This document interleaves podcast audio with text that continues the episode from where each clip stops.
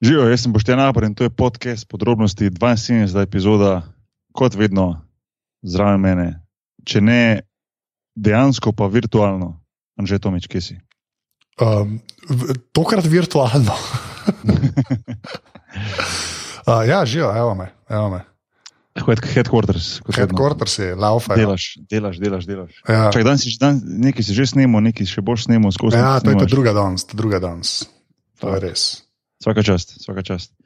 Um, 72. epizoda, um, v prejšnji epizodi, v 71. Smo, 71. smo govorili z mojim um, bivšim soigralcem, kolegom Jim Jacksonom, uh, bivši NBA igralec uh, mnogih NBA klubov, um, trenutno komentator na, na ameriški, eni od ameriških televizijskih mrež. Um, igralec, ki ima za sabo izvrstno kariero in ki ima marsikaj, je imel marsikaj zanimivega za povedati v našem podkastu. Uh, to je bila 71. epizoda, seveda je rdeča nit bila košarka, uh, Liga NBA in pa, in pa izkušnje pogledi na, na, na, to, na to lepo igro z žogo. Um, Anže Tomič, predem da napovem gosta za naprej, pa bom še nekaj drugega rekel. A je to res, kar sem videl na internetu, kar me ti zbadaš, da so Blackberry nehali delati? Ja, Blackberry je upal nad izdelavo uh, svojega hardvera. Sprav, še zmeraj bojo obstajali Blackberry telefoni, ampak bojo to tako neki pač pobrendani. Mislim, da enega so že dal ven, pa je mislim, da oddalka tela, pa je potem sam Blackberry gor piše. No, v bistvu. Ok, nisem vesel. Um. to je to, to je to, read Blackberry, kaj nisem vesel. Uh, ja, ne vem, pač uh, razočaran je. Nekako nekak, jaz pač nekak se ne upam, se ne upam na nek bounce back, veš. Sam, ne, bo, ne bo prišlo do tega, očitno. Um, to ne to. bo. Ja, en redki, ki še upa. Jaz pa Igor Kočevič, ja. on mi pa skozi pošilja. On mi zadnjič sem javi po dveh mesecih in pošlje mesec, da si boki, da si, sem bil neko, ne vem, doma sem v Sloveniji. Molim te, rekel, idi do Ljubljana, pogledaj, da je več izašel crveni novi Blackberry passport, oče crvenog. Ja. Rekel, kje si mene najdel, zdaj da ti iščem Blackberry. Pri nas ga še ni, rekel, ni ga še tu v Srbiji, rabim ga. Tako da um, ga nisem šel iskat, to je ta zgodba. Um, v glavnem, uh, Anže, admi zadeve. Podcast podrobnosti je del mreže Apparatus. Uh, to, ne se smejati. Zakaj smeješ? Zakaj tako radno? Ja, ne, ne vem, da je tako. To jaz, veš, to, to kar rečem, veš, to je zdaj kaj 72, pa pri glavah, veš, te admine in pa se vsakič moram malo tako, veš, to sebe probam, veš, malo zamakniti zmeram. Nekaj, ko te govoriš, tako tek profesionalno, mislim, tako uradno se mi zdi, da kot da nekaj tretjega študiraš, govoriš pa to, kot da si že naučen. Ja, si na nek način že mal, ja, ne vem. No. Ajde, bom še enkrat dal možnost. Uh, Anže, admin zadeve. Hej, Boki, podcast podrobnosti, sorry, ne morem, zdaj sem prav, ne morem. Podcast podrobnosti je del mreže Apparatus, vse ostale podcaste najdete na aparatus.ca. Uh, imamo tudi Twitter račun, uh, afna podrobnosti, počrtaj si, pa na Facebooku smo tudi, lahko nam daste oceno v iTunesih in pa tisto, kar je najbolj važno, lahko nas tudi podprete, to pa naredite tako, da greste na aparatus.ca slash podpri. Uh, hvala vsem, ki ste to že naredili, pa unim, ki to še boste. To je bil admin. Tako, evo, plus ena, glede, glede zahval za, za, podporo, za podporo mreže Apparatus. Um, pet podcastov je zdaj že, ali, ali že čak ena, dva, tri, štiri, pet, šest, sedem, sem prav rekel? Mislim, da ne vem. Wow. Ne ok, vem več. folk, dajte počakirati. Tisti, ki, ki, ki mogoče to ne veste, tudi obsta, o- ostali epizodi, pardon, podcasti, podcasti obstajajo. Aparatus, glave, podrobnosti, film flow, upgrade, opazovalnica v afektu, tako malo shout out je treba narediti. Res je. Um, zdaj pa današnji gost, uh, ki pa v bistvu zdaj že nekakšna stalnica, tudi uh, Boštjan Videmšek. Na zadnje smo se z njim pogovarjali uh, v 61. epizodi ne, v začetku aprila. Um, in se mi zdi, da bo današnja uh, epizoda sam nekako podaljšek tiste prejšnje. Tako da mogoče ena taka mini ideja, če, niste, če niste poslušali 61. epizode, kjer je bil gost uh, Boštjan Videnšek, um, se mogoče splača to narediti, pa potem mogoče poslušati to, ker se se mi zdi, da so vse njegove epizode vedno nekako podaljšek tiste prejšnje. Veš, eh, tako nekako je, bi bilo zanimivo mogoče narediti en tak skupek vseh teh epizod, kjer je on gostoval. Se mi zdi, da bi bila to ena taka skupna zgodba, ker nekako um, skozi njegove oči nekako spremljamo vse to dogajanje, predvsem na, na, na Bližnjem vzhodu, uh, ali pa ne toliko Bližnjem vzhodu. Uh, in uh, on je vedno en tak pravi sogovornik za ta aktualna dogajanja, uh, ki, se, ki se konec koncev tudi nas dotikajo. Tako da um, sigurno nas čaka spet en zanimiv, zanimiv pogovor. Um, Anže, še kaj za dodati? Ne, mislim, da je to to. Kulsko. Pa pa pritisni na gumb, pa štarti zadevo.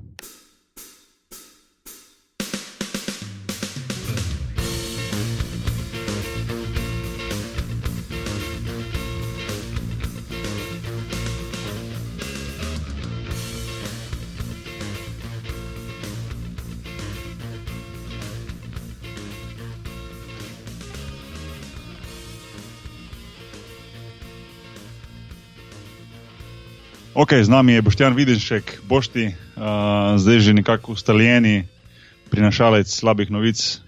Ja. Oziroma, zdaj bi mogli imeti nek tak žir, sterena, sterena, sterena.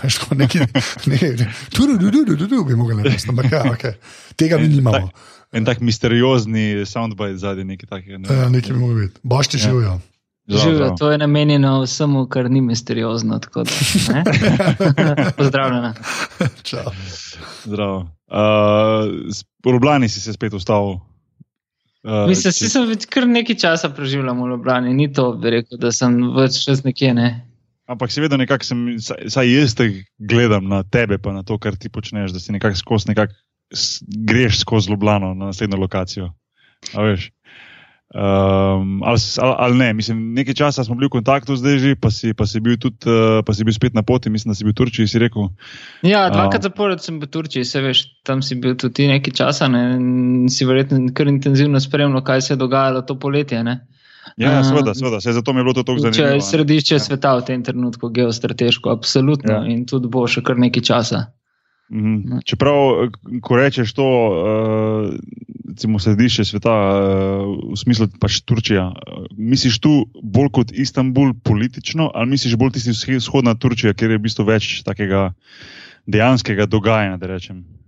Mislim, mislim čist celo Turčijo v tem trenutku, pa ponoma celo Turčijo, geostrateško, politično, na nek način tudi energetsko, zaradi vseh tokov, ki potekajo preko Turčije zaradi upletenosti v sirsko in iraško vojno, zaradi propadle politike, nič problemov uh, s sosedi, zaradi seveda neposrednih posledic za družbo in državo, um, spodletelega poskusa, poskusa vojaškega udara, zaradi vojaškega posega te operacije uh, ščite Eufrata v Siriji in zaradi vsega, kar sledi v naslednjih tednih in mesecih, recimo velike operacije, kot so se prej pogovarjala neobvezno, uh, ki sledijo v Raki, prestolnici samoklicnega kalifata in predvsem v Mosulu v Iraku. Mislim, da bo Turčija.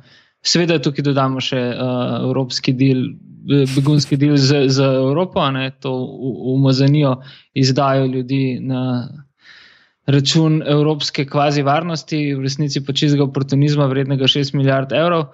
Uh, šest, da, ni bilo tri. Šest. Na začetku je bilo tri, lani decembra, potem pa se je podebljala ponudba zrasla na 6 milijard evrov. Oh, je wow. pa res, da mi je visoka turška uradnica na MZZ, ki je neposredno vodi uh, ta del politike uh, na turškem zunanjem ministrstvu rekla in tudi pokazala potem neke spiske, da je Evropa do začetka septembra plačala neposredno samo 187 milijonov evrov. Šel mi, da manj. Oh, wow. Že to, no. to, sem pa, to pa nisem, to sem pa falil, da, da je šlo krat dva. Ne. Jaz sem slišal, da se nekaj povečuje. Ne. Ampak, krat... Lej, to je bazar človeške tragedije. Ja. Manjša je vrednost človeškega življenja, večja je cena političnih odločitev. Ne. Oh, wow, to, ni, ja, to sem res falil. Ne. Čeprav, ej, lahko še nekaj, ki si prej rekel, spodleteli uh, vojaški udar, da še tebe vprašam. Ne, no, ne, ne, sa, sa, ne, najme štalka. čak, čak, čak. A zdaj gremo te konspiracije teorije. Ne, ne, konspiracije teorije, ampak jaz sem, jaz sem z Valenčičem o tem govoril. Ne. Pa on tudi ni neki tako suveren bil. Sam zanima me, kaj ti misliš pač pa te spiski, pa pol tiskar je vse van prišlo. Ne? Zdaj, za unek ne vejo, pa je bilo tako, da je zgledalo, da je bilo vse malo naprej naštimano.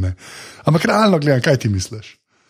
Um, lej, oži krok okoli Erdogana, ne? če že ne govorimo o njemu direktno, ne? pa bomo pa mogoče tudi o njemu direktno, je preprosto prepameten preizkušen in predobro mu gre, da bi iz, uh, se izpostavil takšnemu, bi rekel, političnemu in varnostnemu tveganju.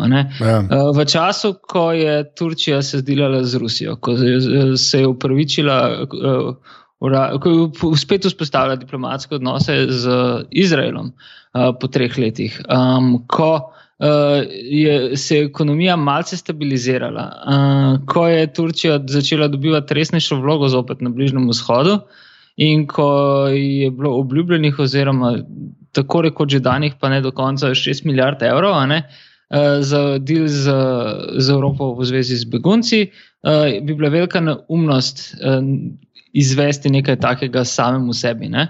Uh, hkrati, ne, Um, Erdogan se je vse čas zavedal in že vrsto let, vsaj osem zadnjih let, izvajal uh, v bistvu močan pritisk na oborožene sile države v državi, ne, na vojsko. V njej je zamenil vrsto kadrov, nikoli pa mu ni uspelo te vojske do konca spucati, in znotraj vojske je imel vse čas tudi intenzivno opozicijo. Predvsem v tako imenovani drugi armadi, uh, uh, mogoče najmočnejšemu, najmočnejšemu kombat delu te vojske, ki, ki obladuje, oziroma je nadzoroval in še vedno nadzira uh, turško-sirsko mejo, ta je dolga 910 km. In uh, območje jugovzhoda države, kjer večinoma seveda domuje kurdsko prebivalstvo in območje, kjer že vsaj slabo leto poteka, poteka tiha, tiha vojna, v kateri praktično ne vemo ničesar in to vojno vodi ravno uh, ta del turške vojske. Uh, ta del turške vojske ni hotel bojevati intenzivno, ne ene, ne druge vojne, ne, ni, ni želel vstopa v Sirijo, um, želel je delovati drugače ne, in bil vse čas nastrojen, tako kemalistični, atatürkovska vojska in častniki so to, ki so mogoče veliko bolj politiki kot dejansko generali. Uh mhm. -huh. In um, seveda zauzemajo se za to. Eh, precenjeno, po mojem mnenju, sekularizacijo, ne, ki dejansko nikoli ni bila točno taka, za katero se je predstavljala. In uh, s temi generali, generali stare šole je že vse čas obračunal Erdogan. In uh, ta isti generali ne, in tudi njihovi mlajš, mlajša podrast, bi človek rekel, in tudi podčasniki, pa so se dejansko, so bili dejansko v intenzivnih stikih z uh, gibanjem Fetulaha Gülena v Ameriki, živečega klerika, uh, dolgoletnega zaveznika, tako kot politično-ideološkega mentorja predsednika Erdogana. Uh, v njihovem sporu ni bilo ideološkega konflikta, bil je bolj ali manj oseben, emocionalen, kajn abelovski brat, bratski spor. Eh, na visokih iracionalnih obratih, ki jih je bilo mogoče ravno najbolj čutiti prav v dneh in po dneh uh, puča v Istanbulu in Ankari. In uh, z gotovostjo se upam trditi, da ta uh, puč ni bil nameštalka. Vsekakor, ne, pa z enako gotovostjo trdim, da seveda spisek za čistke pa je bil brez dvoma pripravljen. 60, zdaj že skoraj 95 tisoč ljudi v to, kratkem, v to kratkem času reterati, suspendirati ali podpustiti, ni mogoče, če nisi na to res dobro pripravljen. Ja. Uh, in ne, da bi seveda tvegal, kolikor toliko normalno delu, de, delovanje države za tega del. Uh, ampak ob tem je treba podariti, da so či, čistke, kot rečeno, prej v vojski, že v policiji. Eh, ki jo je Erdogan že nekaj let in njegova vladajoča stranka uh, pravičnosti in razvoja poskušala vzpostaviti kot proti v tež vojski, potekale že zelo dolg časa, predvsem pa v sodstvu in najbolj v šolstvu. Poznam ducate, ampak res ducate profesorjev na različnih fakultetah, uh, domačih in tujih, v Istanbulu in Ankari, ki so že pred pučem, seveda pa predvsem po izgubili službe in so bili že pred pučem priče spreminjanju uh, Turčije v nekaj, kar si ta nikoli po ustanovitvi pred slabimi stotimi leti, nikoli ni uh, zares želela, moderne Turčije, ta turkovska Turčija, nikoli ni zares želela biti. Uh, Erdogan svojo stranko je po dolgih letih vrhunske, uspešne politike, zgodbe uspehu, dejanske, predvsem ekonomske, ne, v kateri je proletariat spremenil srednji razred in neideologiziran srednji razred, se mu je potem priklonil in učil na ulice, ne samo tisti res verski zavezniki in uh, rekel ruralni podporniki tradicionalne anatolske Turčije. Uh, ne, urbana, uh, srednja razredna Turčija, uh, ki je to postala v zadnjih letih, je najbolj podprla Erdogana. In uh, tega on seveda ni mogel ne predvidevati, niti ne računati na to, da to še enkrat uh, puč ni bil nameštalka. Vse premližen isto je valenče. Sam te spiski so vem, vrhunski. To, ja, ampak to je pa activity in progress. Ja, je tako. Sam no, čakaj, ampak ta srednji sloj zdaj, če obstaja, uh, a, a zdaj, zdaj, a zdaj ga imajo še radi ali ne? Seveda, sej Posla- oni niso plačali cene, ne, veš, to je v bistvu. A ja, da ne. Ne, se, eh, pla, pla, ceno je plačal uh, višji srednji sloj, izobraž, ceno so plačali izobraženci, ceno so plačali tisti, ki so štrleli iz povprečja, ne, Ja, oziroma ja. ceno plačujejo sodniki, učitelji. Seveda ceno plačujejo tudi določene etnične skupnosti na čelu z Kurdi in vedno bolj tudi z leviti, šiitskimi leviti v določenih provincah. Plačujejo ceno mediji, ki so seveda izpostavljeni. ne. Več kot 100 medijev je bilo zaprtih v zadnjih, v, v slabih, zadnjih dveh mesecih. Recimo, um, civilna družba. Seveda, utrpela hude izgube, ne, pa ne govorim to v smislu življenja, ampak v smislu uh, potence, intenzivnosti moči, ne, in ne nujno samo zaradi čistka. Ne. Ta civilna družba, je, turška civilna družba, je živela zelo lagodno življenje zadnjih nekaj let. Um, in bila precej naivna v pričakovanju, da bo turška demokracija uh, se razvijala še naprej. Tako rekel, dejansko tur, turška demokracija pa je pripeljala do tega, da imamo demokratično izvoljenega diktatorja. ne. In to ni uh, absurdno, ne, to je avantgardno, to je tisto, kar prinaša prihodnost. Ne. Erdogan je, odkar je naredil obrat v ideologiji realni politiki, ne, recimo že pred pučom, nekakšen mesec, dva prej. Uh, predvsem, ko se je znebil uh, očeta svoje in ideologa svoje politike, dolgoletnega zunanjega ministra in kratkotrajnega predsednika vlade Ahmeta Davutogluja, um, eh, so se začele dogajati velike, velike, velike spremembe. ne. In obrat od real politike, k, od ideologije k real politiki uh, je tisto, kar je mogoče spremljati, recimo tudi v Moskvi. Ja. Uh, vsi ti, bi rekel, veliki diktatori našega časa, ki jih tako ljubi uh, akademska levica in uh, tisti, ki prisegajo na um, neke preživele koncepte 19. stoletja, ne, um, je tisto, kar prihaja, ne, tisto, kar nam bo vladalo.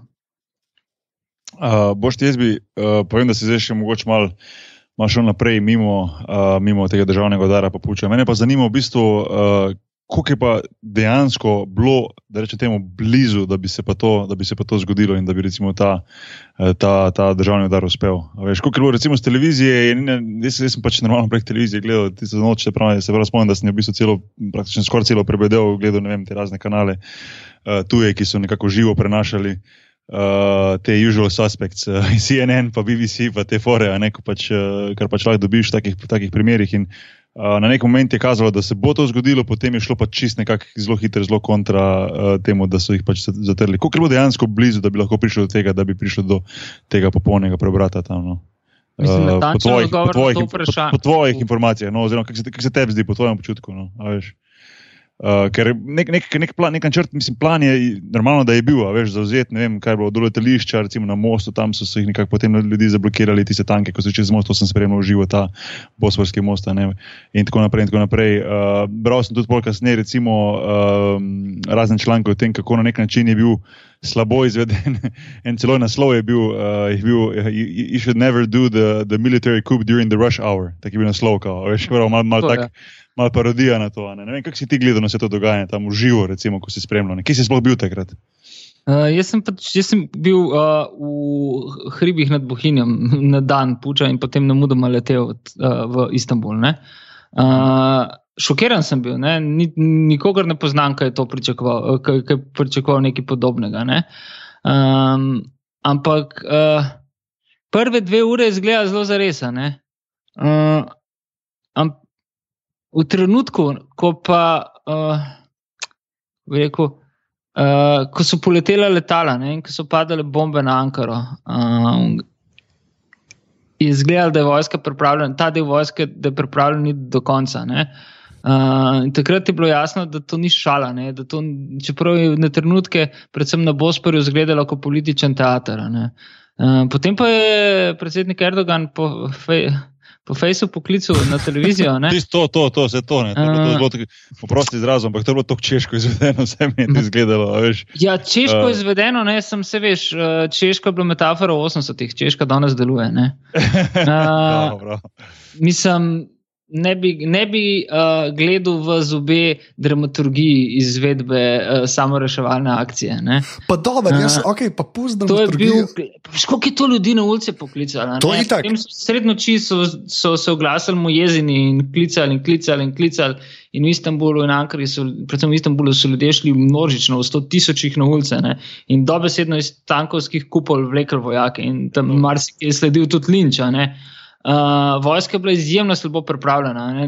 Mislim, točno to. V poznih popodanskih, zgodnih večernih, večernih urah se ne izvaja državnih udarov. Zdaj se je, da so te častniki, ki so to izvedli, imeli pred sabo nek zapisnik pučov iz 80-ih, 70-ih, 60-ih let. Sploh In pa, se sploh pa, sorry, sploh pa v Istanbulu, tisti, ko, ko ste bili, recimo, ko to poslušate, Mhm. pa tisti, ki smo, ki smo nekako živeli v Istanbulu. Mislim, to se ne moreš, to, je- to je 12 milijonov, pa verjetno zdaj že več, ko pa takrat, ko sem tam živel, milijon ljudi, ko je to rush hour, to je, to je tak rush hour, da je verjetno, veš, Anže, to, je, to so tisoči avtomobilov stojijo v 10 km kolonah sred mesta. Ja. to, to, to ni. Veš, to, ni, to, so, to, to, so take, to, so take specifične, to je tako specifično mesto. poleg tega, da ga imaš na, v bistvu na dveh kontinentih, oziroma na dveh bregovih, ker kot že. ne. Um, tako da to se mi je zdelo zelo, veš, zelo. Boš ena stvar, da sem te prekinil. No, ampak to mi je Ne, bilo ne, ne, tako. ne. Uh, to mi je bilo tako, uh, ko sem bral ti članek, sem se mogel prav malo tako. Nehote na smeh, zraven res, da, da, da take stvari res ne bi mogli delati v tistem, tistem večernih urah, kjer je pa res totalno zabasan Istanbul. Pa če se ne motim, je to bil še petek zvečer. ne. Tako da to je Petek krat dva. zvečer, idealno. Ne, krat Več dva, ja, Desetih, ja. ne, tako. Ja. Ultimate, and- ultimate rush hour, še posebej pa v- v- na tak topel poleten dan, ko že itak grejo ljudje, še, poleg tega, da prihajajo domov ali pa ven, so itak si že zunaj. Ne. Anžeja, vidiš, lej, mogoče imaš pa prav, nam je štalka, vidiš. Ja, čist. da so za- samo sabotaža. Ne, jaz sem samo hotel še to reči, da se je javno, ja, se je javno prek tega, le, prek uh, FaceTime. Ne, FaceTime, ja. ja, meni je to, jaz to, mislim, dramaturgija je epska, to se fulstrinja s tabo. Ampak jaz kot človek, ki je navdušen nad tehnologijo, kot tako, ne, se mi zdi pa po svoje tudi dosti fenomenalno, da je to, a veš, ker kva boš pa drugega naredil. No? A Veš, ko- mislim, pred In to ne pozabi, človek je leta in leta blokiral tri Tako, uh, Twitter, ne, tako, in tako, drugega. Tako in, in, S orožjem sovražnika je preživel. Ne. Tako, ja, to, in to, to, ta del je bil meni v bistvu ful fascinanten. ne. Tako da tam meni so se smejali, haha, le je prek FaceTime, ampak le, pač delal pa je. Ne. Tako da ja, ne vem, meni je bil, tako, meni je bil ta detajl je v bistvu ful všeč, zato ker pač nimaš šanse doskrat videti državnih udarov, ampak. Pa, ki ga vidiš v letu 2016, očitno se tudi državni udar ni mogel izogniti. Tudi diktator Pač- gre na Facebook. ko je Ja. pa- No, ampak, no, no, ampak to, sem, to sem pa tudi jaz. Ne, znam, to je, to je, lahko resno, sociolo, to je lahko resna sociološka debata. Veš, se po svoje joke, ne, po drugi strani pa. Sociopatološka, če sve natančno. Okay, se strinjam, ampak veš, to, je to, a veš, to, moja, moja poanta je bolj, da se to bo zelo, zdaj je zelo pop, pa zelo posploševanje. Ne? Ampak veš, to, kar je bila arabska pomlad, pa internet. Ne? Veš, sam to hočem reči, to je kontra od te štemo. Ne? A veš, Ja, lej, države, sistemi so rabili nekaj časa, da so ta pogruntali, kako to deluje. Ne? ja, Zdaj je bil dovolj en FaceTime klic. Ki pa je sprožil, ne, rekel, digitalna poteza je sprožila brutalen analogen odziv. ne. Takoj, ko je zvonil uh, FaceTime, ne, Ja. uh, so se oglasili ne ravno zvonovi, pač po mojezni v šejah. Uh, to, je bila, to je bila res verižna reakcija, ne, ki je trajala dneve in dneve. Mislim, da je bilo 30 dni zapored v večini večjih uh, turških mest, vsak večer so, so bili ključni glavni trgi polni. ne. Uh, v bistvu, To je sprožilo tak val nekega samoljubnega nacionalizma, ne, nek unifikacijski moment, ki zdaj seveda že popušča zaradi notranjih političnih sporov, ne, ampak prvi mesec dni je bil pa neverjeten. Ne. A Veš, v bistvu je država se obnašala, kot da je izvedla revolucijo in prevzela oblast. Tak, Pijanost triumfa na ulici je bila pa neverjetna. Leta, leta, leta hodim v Istanbul, recimo, ne, tudi v Ankaro, predvsem v Istanbul, ampak jaz sem na ulici videl same drugačne obraze, ne, v staturi, v mimiki. Uh, ne, kar naenkrat so bili v centru mesta, na, na, mislim, od Taksima naprej, od Gezi parku, ljudje, ki jih tam ni bilo. Ne. In ravno Gezi park, ki je bil, po mojem mnenju, in še vedno je obr ključen obrat uh, moderne turške politike. No, s protesti junija 2013, ne, ravno temu Gezi parku, so, katerem so, v katerem so pred leti protestirali prvič, v bistvu prvi veliki javni protesti, množični, ki so potem postali zelo nasilni strani policije. Ne. Proti Erdoganu so protestirali mladi, se, recimo sekularni, visoko izobraženi pripadniki civilne družbe, ne, zaradi v bistvu ekološko. Infrastrukturnega razloga, ki pa potem potegne za sabo marsikaj. Ne? In to je bil trenutek, ko je Erdogan dokončno se spustil zvajati, ne? zapadel v svojo iracionalno fazo in začel obračunavati z vsemi, ki mu niso bili stotodstotno zvesti. Uh, takrat so se, pa, že prej na nek način, predvsem na univerzah, ampak takrat so se začele čistke in te so po spodletelem puču dosegle vrhunec. Ne. Zdaj se te res približujejo v skupnem seštevku šestmesečni številki in to je popolnoma neverjeten podatek. Ne. Ampak če se gre pa gledati v drobovje ne, teh ljudi, odpuščenih, suspendiranih, areteranih. Ne, uh, se pogotovi, da to niso naravno nujno ljudje, ki državo držijo po konci. Ne. To je tudi zares politično ustrahovalna gesta, ne, uh, ki v bistvu daje vsakomur, ki ni posem, posem na liniji, ne, na nek način stalinistično. Uh, mrako polnoči, da je vedeti, da si ti morda naslednji. Ne. To pomeni, da to v nekem, kako bi rekel, uh, vokali zatera uh, v drobovju zatira, uh, v eksistencialnem strahu zatira možnost osebnega, individualnega političnega, kaj šele kolektivnega političnega angažmaja. Ne? To pa je premišljena strategija. Hmm. Škaj meni, uh, vedno tako, uh, sploh v tem času, ko je tako fascinantno. Uh, Anže, to, recimo, to gledate, ko živo po televiziji. Meni to, to zelo tek ne vem. No. Jaz vedno rečem, pred to pa to leti, recimo, to ni bilo, to ni, to ni bilo možno. Zdaj pa v bistvu nekako ne, Recimo, prvi tak dogodek se je meni zdel, recimo, tisti takrat september, 11. september, veš, kaj je bilo tisto, recimo, to gledati, ne tak normalno globalni dogodek. Uh, se mi zdi, da takrat, jaz se prej, prej se ne spomnim, da bi se v živo kaj gledalo po televiziji, te večje dogodke, kot so ono. Zdaj, ko pa nekako to, to gledamo, smo pa nekako se mi zdi, da smo že kar mal navajeni, veš. Uh, ampak meni je pa še vedno to čisto, uh, pa če te malo, mogoče malo smešno povežem. Veliko velik me to bolj pritegne, pa prelepi na, na televizijo, kot pa karkoli koli drugo nadaljevanka ali karkoli. In na televiziji, ko, se, ko si prav predstavljam, da živimo v svetu, kjer pač folk šalta delince, pa tam vidi, aha, tu imam Game of Thrones, na, na, na športnem kanalu imam Bayern Leverkusen proti Paris Saint-Germain, v tule pa le je pa, je pa puč na Turčijo, veš. Tako, tak da, uh, ne vem, no, spremljati to se mi zdi kar malo, se mi zdi malo hočem reči, da se mi zdi malo podcenjeno na to, da živimo v času, kjer lahko ti dejansko real time spremljaš take velike stvari, pa velike dogodke. No. Ne vem, ali že, se ti ne zdi, ali, ali tebe čisto, no, whatever.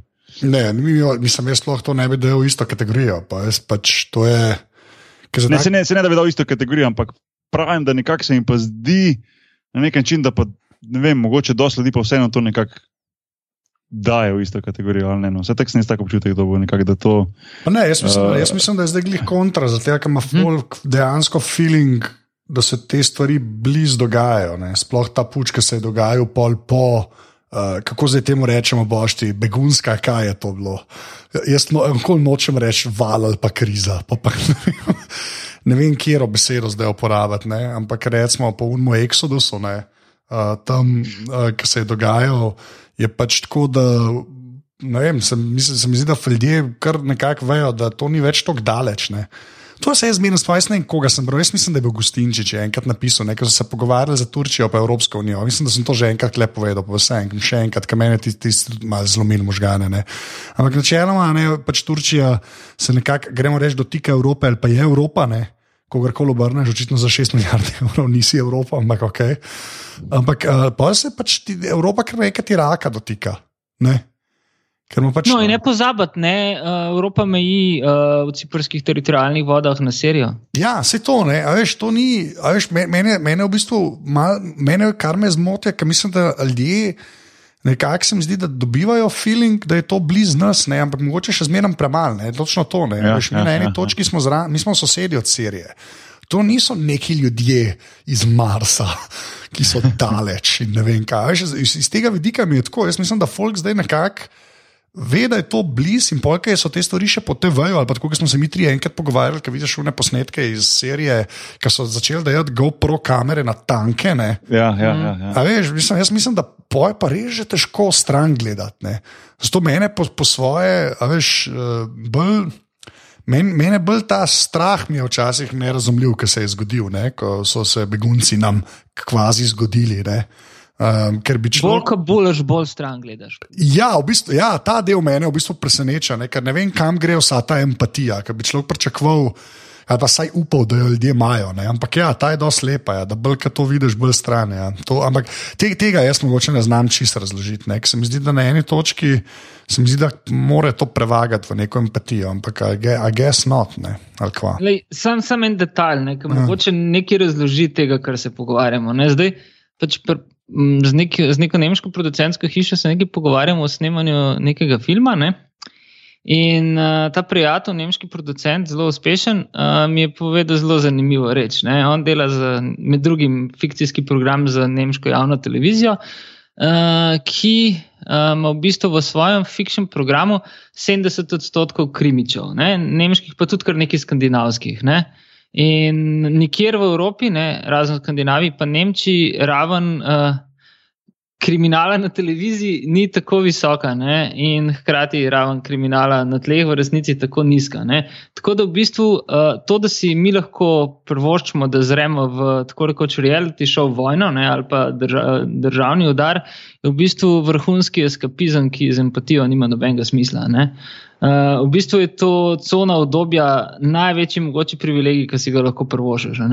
Ljudje, ki uh, rekel, to živijo, tega preprosto ne zmorejo gledati po televiziji, ne? ker je preprosto tumač. Uh, v bistvu je manj, ko imaš ukvarjen želodec, več tega lahko vidiš.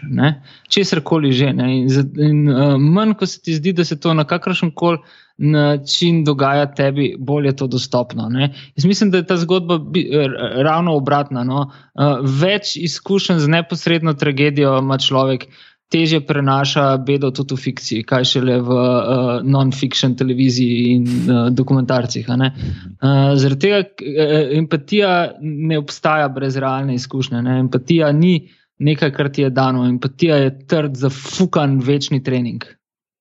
Mhm. Uh, Boš ti zdaj, malo prej si se dotaknil Sirije, pa če gremo zdaj recimo za en korak bolj vzhodno ali pa jugovzhodno, Turčije, kjer smo, uh, kjer smo zdaj govorili. Uh, na zadnje smo se mi pogovarjali, ko si bil gost, mislim, da je bilo v aprilu, v začetku aprila, se pravi nekaj mm. pol leta nazaj. Um, tako bom rekel, jaz, jaz kot laik, ki spremlja pač zadevo, oziroma zadevo vojno v, v Siriji uh, prek, pač prek medijev, tistih, ki nas pač nekako dnevno doletijo prek Twitterja in, in ostalih, ostalih uh, teh uh, z internetnih uh, variant. Uh, bom tako rekel, ogromno enega dogajanja dnevno. Ampak neke končne resolucije, pa tako smo že enkrat omenili, izraz, neki luči na koncu tunela, pa nikak ne. Mislim, koliko koliko lahko ta država, pa zdaj sploh ne moreš več država, koliko lahko še to območje zdrži enega vojskovanja, ker se mi zdi, da je to že toliko izčrpano od te vojne, da se zmerno na novo čudim, da je sploh še možno, da se še tam bori, sploh recimo Alepo, mesto, Alepo, a ne pa tako naprej. Um, kaj se je zgodilo, recimo, zadnje, čez poletje, recimo zadnje poletje, kar smo se mi na zadnje tem pogovarjali, recimo, če bi naredil en tak povzetek, pa kje smo zdaj, a ne, kar se tiče Sirije, pa so normalno z vsega tega, kar je povezano, eh, povezano s Sirijo in z vojno v Siriji. Zgodilo se je ogromno in nič. a ne. Uh, Ja. Vse to, vse to ne. Najlažje je mogoče reči tako, in v bistvu s tem strnem tudi to, kar si ti povedal. a ne. V- Za zelo kratek čas se je pred tremi, štirimi tedni odprlo neko okno upanja. Ne.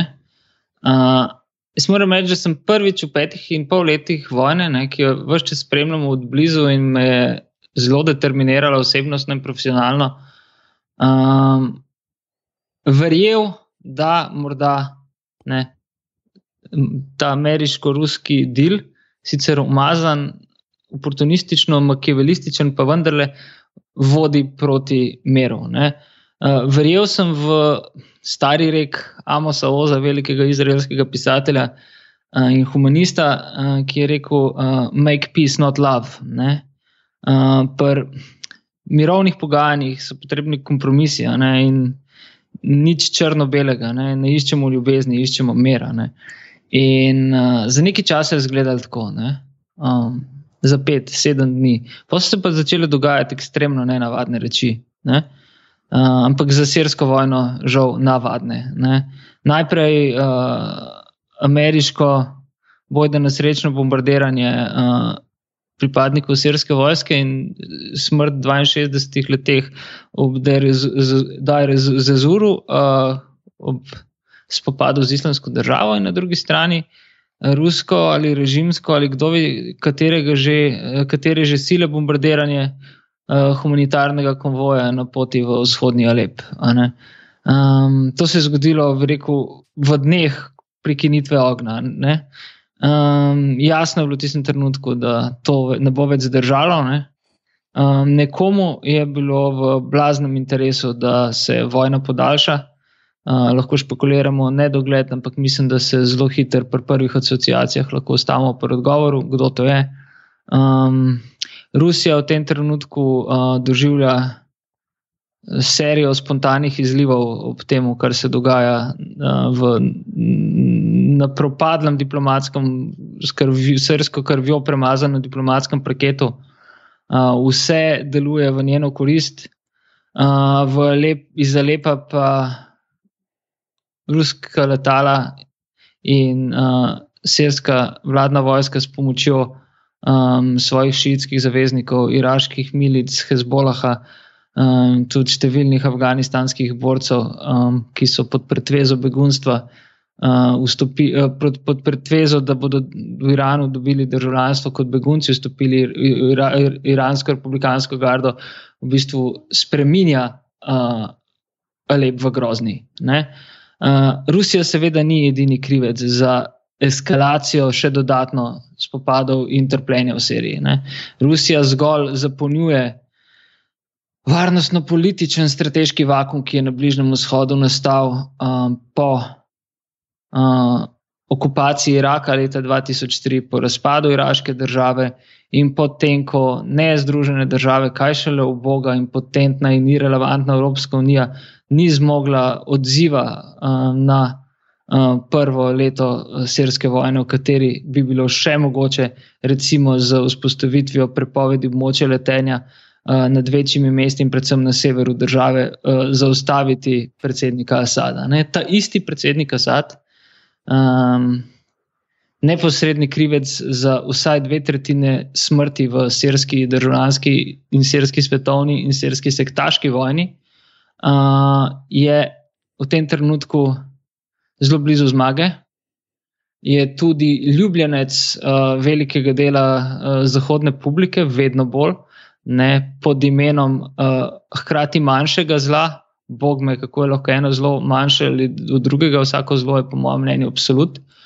Uh, in uh, hkrati ne, je tisti, ki ga predvsem akademski levičarski krogi slavijo kot sekularnega voditelja. Ne? Uh, ampak, kot smo že nekoč dejali, mar niso bili sekularni tudi Hitler, Stalin in mar ni sekularen severno-korejski režim. Uh, grozljive manipulacije se dogajajo. Ne? V seriji največ govorijo, tisto, govorijo tisti, ki med vojno tam nikoli niso bili. Od Džabata al-Nusri, od takšnih ali drugačnih oporniških milicah, govorijo tisti, ki ne poznajo nikogar, uh, ki se je tem milicam pridružil predsednika Asada pa podpirajo, vsaj po mojih izkušnjah, uh, zatohli ideologi brez stika realnostjo. Uh, zatohli, ok, tam je. Absolutno zatohli. In njemu je to seveda pisano na kožo. Ne? Pisano pa to tudi na kožo um, patetično neodzivnim evropskim dvorom in na nek način tudi uh, predsedniku Obami, ki je svojo navidezno uh, kako ne bom rekel, videti, za svojo politiko umikanja ne, in izmikanja iz Bližnjega vzhoda vsled energetske uh, uh, samopreskrbnosti Združenih držav in umiku, strateškemu umiku na Pacifik, ki ga je bodoča, najverjetnejša bodoča predsednica Hillary Clinton povedala že davno tega v enem, v enem izmed uvodnikov v Foreign Policy. Uh, napravil seriji in sirskemu prebivalstvu najslabšo uslugo. V bistvu je najprej prepustil eh, režimu, potem posledično uh, tujim džihadistom in zdaj ruskim bombnikom. In to, kar se dogaja s Sirijo, je naša skupna odgovornost. In če že nismo, bi rekel, pomagali uh, zaustaviti vojne, uh, bi morali narediti, narediti vse, da tam na stran meseca ne bi zaustavila ljudi na drugi strani zidov, ki, ljudi, ki želijo zgolj preživeti in prihajajo v Evropo po možnost novega življenja ali pa le tega podaljšek. Uh -huh. Uh, prej si jih omenil, zdaj vmes, ko si jih omenil, begunce, prej, preden smo, preden smo začeli snemati, si samo rekel, da bo šel na, na poti v Nemčijo naslednjo. Um, si predstavljam, da ne vem, prej si omenil knjigo, pa uh mhm. -huh. svojo, pač, ki je prevedena, pa si predstavljam iz tega, se pravi Nemčija, povezava z begunci uh, in tako naprej. In tako naprej ne. Um, uh, ne, mogoče, da ne bomo na koncu pozval, mogoče beseda samo o tem uh, na hiter. Uh, knjiga, uh, prevod Nemčija, begunci, ta povezava. Um, ja, knjiga na begu pač je zunaj, kot rečeno, od aprila, odkar smo se na zadnje pogovarjali. Ne, v Sloveniji sicer se je lepo prijela, ne, ampak imam s tem hude težave, ne, ker medtem, med ko se je knjiga pisala in kako se je lepo prijemala, ne, je v bistvu se skazalo, da je. Recimo temu malo šabno, uh, moj družbeni novinarski angažma, milo rečeno, scanje v veter, ne, uh, namenjen v najboljšem primeru pa še to ne samem v sebi. Ne, uh, zrasli so zidovi, ne, uh, postajamo iskreni, odvrgli smo plač politične korektnosti in izpod te umazane preproge so zveri, ki puščajo sledi v snegu, kot bi Momir Bulatovič dejal, eh, dejal pred 25 leti, se splazile in razmnožile na vse strani. Uh, rasizem in ksenofobija sta na nezaustavljivem pohodu, to ni samo slovenski sindrom, slovenski pojav. Srednja in vzhodna Evropa doživljata štokholmski sindrom zamudo, uh, samo svojo interpretacijo svobode, ki omejuje svobodo samo ostalim.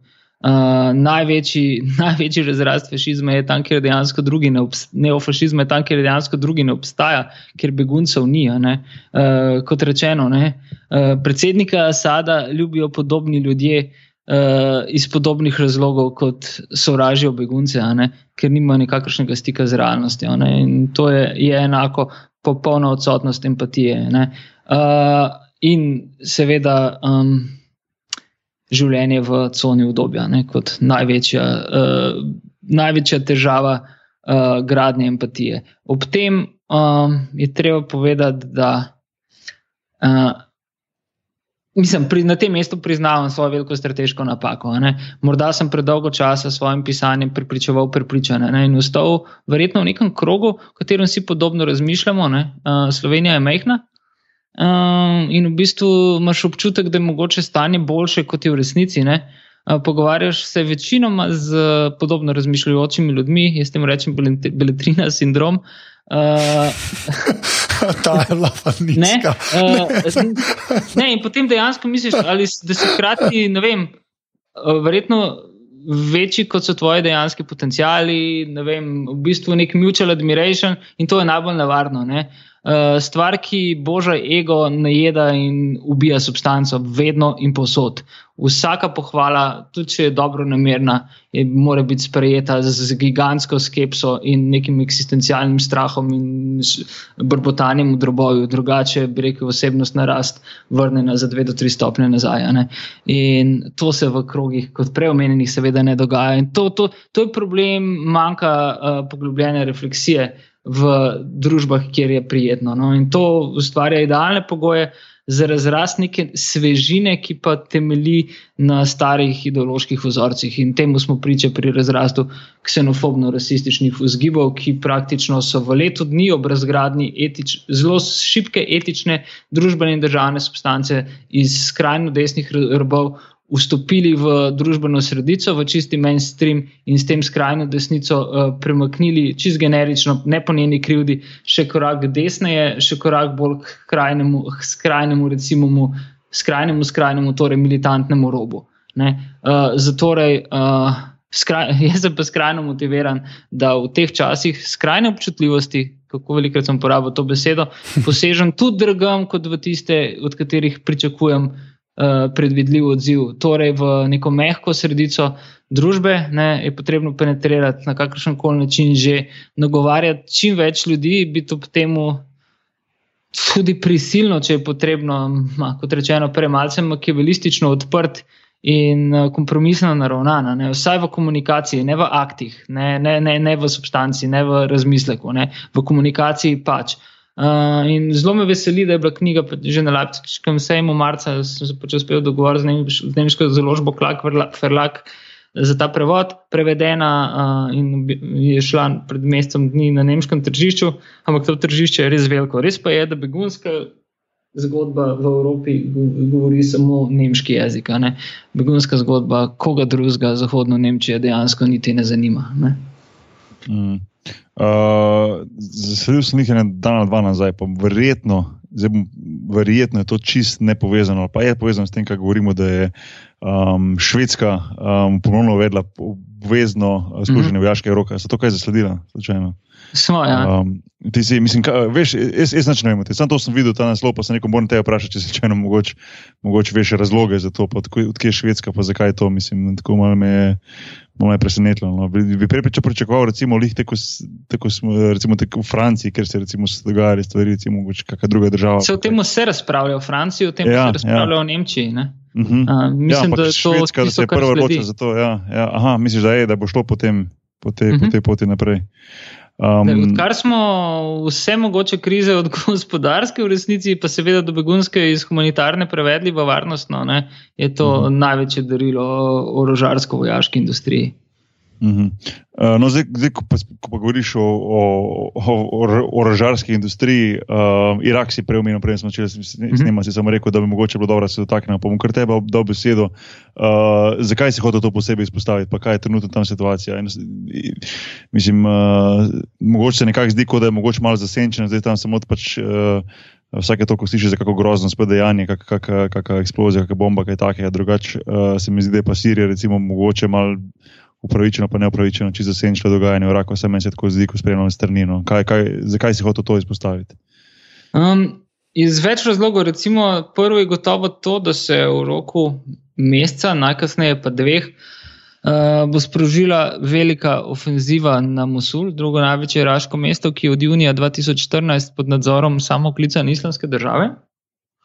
Um, V tem trenutku se na severu, na, na severu Iraka, nad Mosulom in zahodno in vzhodno od njega, že kopičijo številne sile, med drugim tudi med, sile mednarodne koalicije, v kateri je šest pripadnikov, posebej pripadnikov slovenske vojske, vseh šest specialcev, ki so inštruktori z uradno nalogo urjanja pešmerk kurdskih uh, oboroženih sil v severnem Iraku, v avtonomnem, semi-avtonomnem iraškem Kurdistanu. Uh, Uh, južno od Mosula, zaenkrat, če kar precej južno, več deset km od Mosula, pa se vzpostavlja tako imenovana Južna fronta, v kateri, kateri so iraška vladna vojska, iranske šiitske milice, iranska republikanska garda.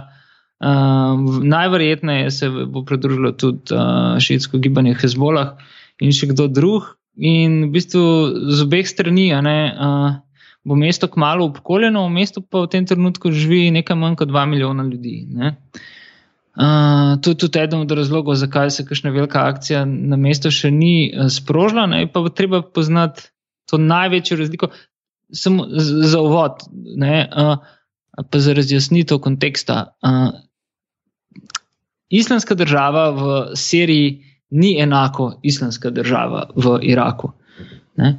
Uh, islamska država v Siriji je v najboljšem primeru podaljšek jedrne uh, islamske države, ki domuje že od samega začetka dejansko v Iraku in je otrok uh, Ira okupacije Iraka, iraške državljanske vojne, propadlih zahodnih uh, zunanjih politik in tako naprej, in še marsikaj drugega. Uh, kot rečeno, že večkrat islamska država je veliko bolj korporativni uh, Rent a Baby projekt kot uh, fundamentalistično, religiozno, ideološki. Uh, islamska država od, obstaja samo zato, ker obstajajo številni, ki si ne želijo, da bi ta prenehala obstajati, vsaj do zdaj. Uh, in usporedno, ali pa ne bom rekel, nisem pripričan, da se bo to dogajalo istočasno, ker bi bilo to preprosto neuzdržno, tudi za najbolj vzdržljive ameriško-ruske in še katere globalne želodce. Uh, se bo sprožila tudi ofenziva na Rako, prestolnico samo klicnega kalifata na severu-vzhodu severu Sirije. In uh, usporedno z zgodbo Rake in Mosula se bo seveda najbolj v moderni zgodovini, ali pa recimo najbolj po koncu Prve svetovne vojne, odprlo tudi kurdsko vprašanje. Uh, in Mosul in Raka sta nekako v širšem kurdskem interesnem območju.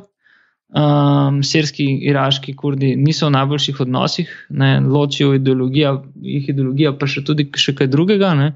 Um, in ni računati, da bodo eden drugemu uh, nudili roko v tem spopadu. Ne. Uh, predvsem pa je treba vedeti, da praktično med severnim in srednjim Irakom in Sirijo, že vsaj tja od sredine leta 2014, meja ne obstaja več. Um, tako transport ljudi, kot orožja in še česa poteka nemoteno iz obeh strani.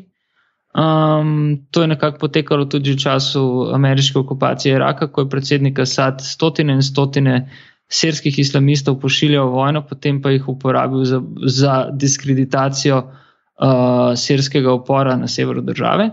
Uh, in v bistvu se vzpostavlja nek ta gigantski klasterfak. Uh, dve velike fronte v podobnem času uh, proti islamski državi, ki je bila vajena popolnega podpora strani velikih in malce manj velikih sil, recimo v zalivskih državah, Saudski Arabiji in Katarju. Uh, v času, ko je Alep tik pred pacom, ko je na srsko-turški meji izbran, že zdaj čakal več kot 140 tisoč ljudi v nemogočih pogojih, uh, ko je turško-grška morska meja praktično zaprta, ko je zaprta balkanska pot, uh, Uh, ko se odpirajo nove smuggling poti iz Egipta in ko je Libija uh, morda največje žarišče novega časa, če se bodo razvijale stvari tako, kot se v tem trenutku, govorimo o begunsko-tihotapskem smislu, pa tudi varnostnem, uh, utegne ofenziva na Mosul na eni in ofenziva na Rako na drugi strani. Tu moramo vedeti, da bo v njej gotovo deležena tudi Turčija, katere glavni motiv vstopa v sirsko vojno, konec avgusta, začetku septembra je, bil, je bilo razbitje kurdske avtonomnega območja ro, ro, Rožava na severu države, um, bo gotovo, gotovo zelo, zelo intenzivno vplivalo na prihodnost regije. No. Uh, zdi se mi, da bomo prvič v modernem času priče nekemu bolj simetričnemu, uh, bolj klasičnemu bojevanju. Okoli uh, Mosula, včeraj sem gledal neke preverjene posnetke, uh, se že ukopavajo, se, se islamska država okopava in pripravlja, bi rekel, neko obrambo. Ne? Uh, iz Rake sem pripričal, Rake gotovo ne bodo uh, zares branili in Raka bo, po mojem, čist naivno vojaško, lajčno vojaškem prepričanju hitro padla in bila zasedena. Ne? Tudi zato, ker njeni jedrni kadri niso tam. Ne? V Iraku pa je večina pripadnikov islamske države Iračanov. Vodstvo, ta drugi garnizon, uh, ne Abu Bakr ali Bagdadi in njegovi najbolj tesni pajdaši, med katerimi so nekateri že fino fasali v zadnjih tednih in mesecih, ampak ta drugi garnizon sestavljajo nekdani častniki vojske Sadama Huseina, stare iraške vojske in batistični stranke Bas člani, ki so tesno povezani s sunitskimi uh, plemeni na, v, v severnem in srednjem uh, Iraku, predvsem v sunitskem trikotniku in dejansko ob. Po ameriškem umiku in popolnemu šiitskemu prevzemu vladavine v Iraku, s, s močnim nadzorom mul iz iranskega koma, uh, so suniti postali tretji razredni državljani, kljub temu, da so praktično najbolj številni. Um, in so, bi rekel, si sami izbrali islamsko državo za svojega, ne samo vojaškega, ironično tudi političnega predstavnika. In islamska država ima, po mojih podatkih, v Mosulu kar precejšno podporo prebivalstva. In zato bo ta vojna, oziroma ta bitka, popolnoma drugačno, kot si v tem trenutku, po mojem, predstavljajo uh, recimo ameriški, pa tudi kakšni drugi uh, obveščevalci. Uh, ja, ne, ne vem, če lahko dobiš bolj podrobno povzetek, ko ga ti narediš, ampak vsaka čast. Kaj, kaj ti spomeni, da, da, da je pač islamska država v Siriji sam podaljšek tistega v Iraku? Kaj to pomeni? Uh, Sirijo se je za, za ISIS Ja. Da daš v bistvu odprlo novo bojišče. In Sirija je v bistvu že vstopila v ready-made. Uh, uredi med vojno. Ne? ISIS-u ni bilo potrebno odpirati novih front. ISIS v, v Siriji, ne? fronte so bile že vzpostavljene. Aha. ISIS je vstopil v kaos, uh, v svoj ljubi peskovnik sveta vojne, ne? v katerem je zgolj dodal svojo sicer zelo veliko uh, lopatico. Ne? In uh, hkrati je ISIS vse čas sodeloval, na nek način se tudi boril proti vsem.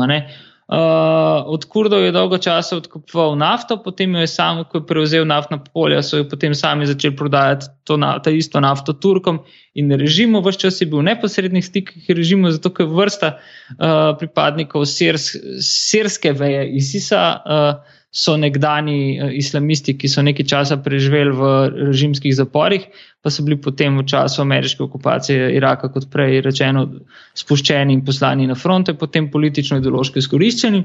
Hkrati pa ISIS, za razliko od Iraka, nikoli v Siriji, nikoli nikdar ni imel niti najmanjše želje po oblasti.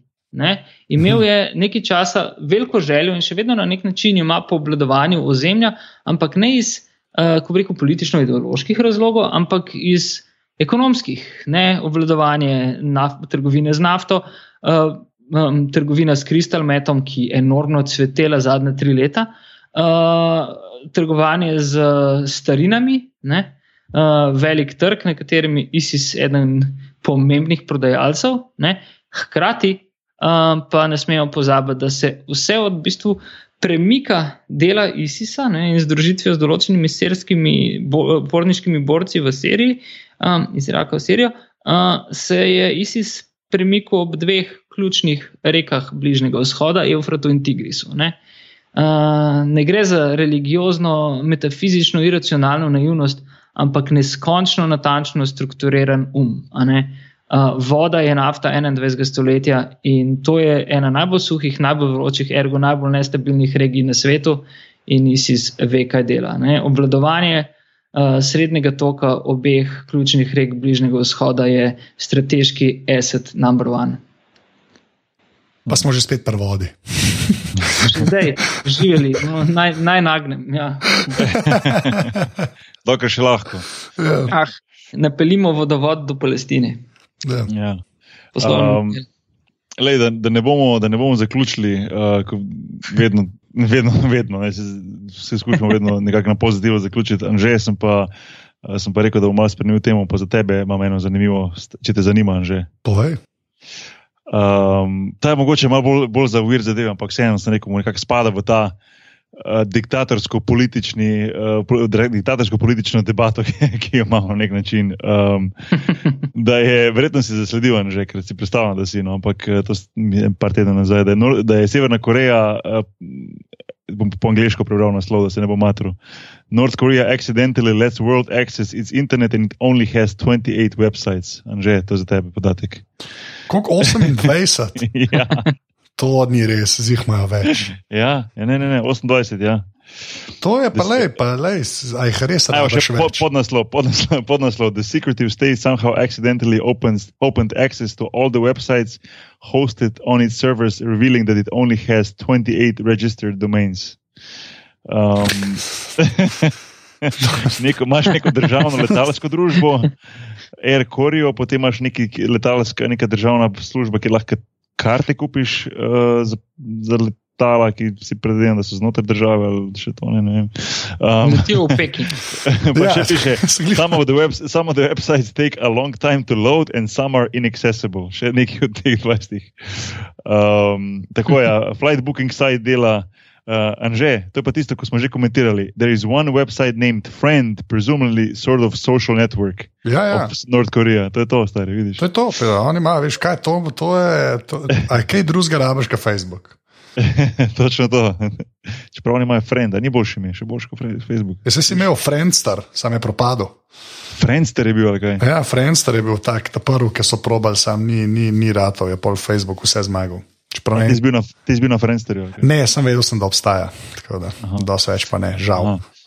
Uh, boš ti, uh, za tebe naslednji, se pravi Nemčija. Uh, Ljubka digresija.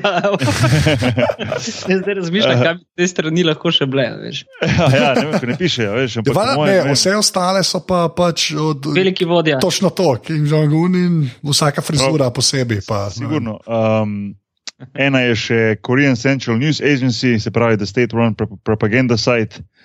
Um, drugih pa, ni, pa niso opisane. Zgleda, da niso uh, not worthy of mentioning. Se pravi, uh, Tok, češ, tok češke so, lahko pravim to besedo češke. Da... Ne veš. Kaj imaš ti proti čehom? Kaj imaš ti res proti čehom? Kaj je to? To ja. Škaj, meni je ta izraz še vedno všeč, jaz ne morem mimo tega. Ne, to v 90-ih se je mogel tako reči. Ja, samo je to še vedno. meni to Ja, še ja, vedno pol ne gre Pa že se. 90 ni bilo več ljudi, zato ker je, to so 80. Ne? No, ja, ok, mogoče res 80, ja, to je dosti res. Ja. Ja, dobro. No. Uh, no, no, boš ti, ampak res, uh, daljnoročno uh, načrtuješ kako potovanje proti vzhodu? Ali, Severni? Irak. Ja. Ofenz- ja, v roku meseca, meseca pa pol. no, Čakaj, not nisi, tam. pa, nismo, pa se smo se na zadnjem podkastu omenili, si rekel, da si nekako naredil korak stran od tega potovanja na ta območje. Se bom korak stran, bom, bom vrbil po Sulemaniji, pa do Huku, niti slučajno ne mislim iti direktno na frontline. Ne? Okay. Uh, pač ne, pravi, mislim, malo me je strah, ne, pa bomo delali bolj substancialne zgodbe brez specialnih efektov. Wow. Um, le kjerkoli boš, uh, pazi na sebe. No, res. um, je pa vedno res fuldooro poslušati tvoje zgodbe, pa tvoje, tvoje komentarje, pa tvoje poglede na vse to, kar se dogaja. Tako da um, zopet še enkrat, Fena Folka, hvala. No. Hvala, hvala. Uh, hvala kje, te folk, kje te folk najde uh, na netu? Puh, Bostki, bošti na Twitterju, Boštjan Videmsek na Facebooku, um, pa milijon neskončnih neumnosti na Googlu. Ja. pa knjiga, pa knjiga, knjigo se. Knjiga ja. pa na begu, uh, na begu, založba Unko, bu, na bukla.si pri nas in za Nemčijo n- Amazon DE, Afterflucht, Afterflucht moderner Exodus ins gelöbte Land. Upam, Sehr gut, ge sehr gut gesagt. Ja, zdaj Uh. uh. gesagt. Aha, se vidi, ena sezona je bila v Nemčiji, ne? Dve. Dve, Dve. dve. Dve. Kdo je? Ena sezona, Ja. ena, ena. A nista- nista ne? bile dve? Vidiš, že A, bene. jaz sem pa sto Že. posto stavile dve. Ne vem zakaj, ne vem Get zakaj. your, get your facts, right, son. Izvini, izvini. Ne, to je, to je, te stari, to parsa je, po eni dobri sezoni v Nemčiji. Ne? Ja, ne, tako je, ne, to je, to je 8 let, to je 8 let šole eh, nemškega jezika, tako da to je to. Um, Aha, Nemčiji niso, v Nemčiji, to je, to je bilo dobro, fora. v Nemčiji v bistvu tri četrte sezone niso vedeli, da je znani nemško, vse to sem se zdel, da smo že rekli na podkastu. Tako da je bilo zelo fajn poslušati uh, svoje igralce v garderobi, pa ne vem, folki govori, pa karkoli, jaz sem se pa delal, kot da jih vršte ganih, veš pa pa. Sam na koncu vse, je. Sem malo debelo gledali, ja, to so te štorije, populadorije. Um, Anže, admin zadeve. Uh, ja, se pravi, podcast podrobnosti je del mreže Apparatus, ki jo najdete na aparatus.si, tam je še par podcastov. Uh, podrobnosti ima svoj Twitter račun, af na podrobnosti poželaj si, ki ga fura naš sužen strokovnjak. Uh, drugačen, ja. Shout out, ja. Drugač pa, uh, dajte nam kakšno ceno v iTunesih, pa kot vedno, uh, full hvala vsem, ki podpirate aparatus. Uh, Uniki še niste tega naredili, pejte na aparatus.si slash podpri, ker vsak evro prav pride in pač uh, vse to vlagamo v produkcijo in ostalo. Uh, tako da, kaj sem pozabil? Po mojem, nič pa- pozabil. Ti si Ed Anžet, oziroma Tako. Anzet, Anzet. Tako, na vsem Na vseh, možnem. na vseh. Na vsem Jaz sem tudi vse posod, jaz sem tudi vse posod, od, MySpace naprej, vse posod, Boki Nahvar. To je to. To je to. A lahko sem en Ja. droben dodatek, presenečen. Si tudi na Bavčerjevem dresu, ne? Ampak, rekel, njegov defense je bistveno boljši od tvojega. Ja, ta, o, to, uh, uh, uh, Uh, uh, uh, če bom, bom, bom politično lepo rekel, no comment. tako Da, Ampak si se malo ne- zarežil, ko si to videl. kaj če sem se? Zarežil sam pri sebi, ko si videl ta rekel, reprezentančen dresek. Razvlečen. Unofficially sem se rolo po tleh od smeha. Ajde, zdaj pa gremo naprej. Uh, v glavnem, ma ne. Ma, sem imel en komentar na to, pa reč ne bomo javno. Da, ti reč off-air povem. Lepa. Um, uh, ad, uh, adijo. Vidijo. jako Hvala smo končali, to je res. Ja, reč, Ej, eh, ti moraš reči srečno, srečno moraš reči, Boki. Ja, bom rekel, eh, boš, da je bi safe, pa smo, smo na vezi, pa kmalo spet na slišanje. No? Je, ostani pri 30. Ajde. Vsaka čast. Ja. Ajde, stari, ajde. Srečno. Čau, čau. To sem čakal, čau. čau.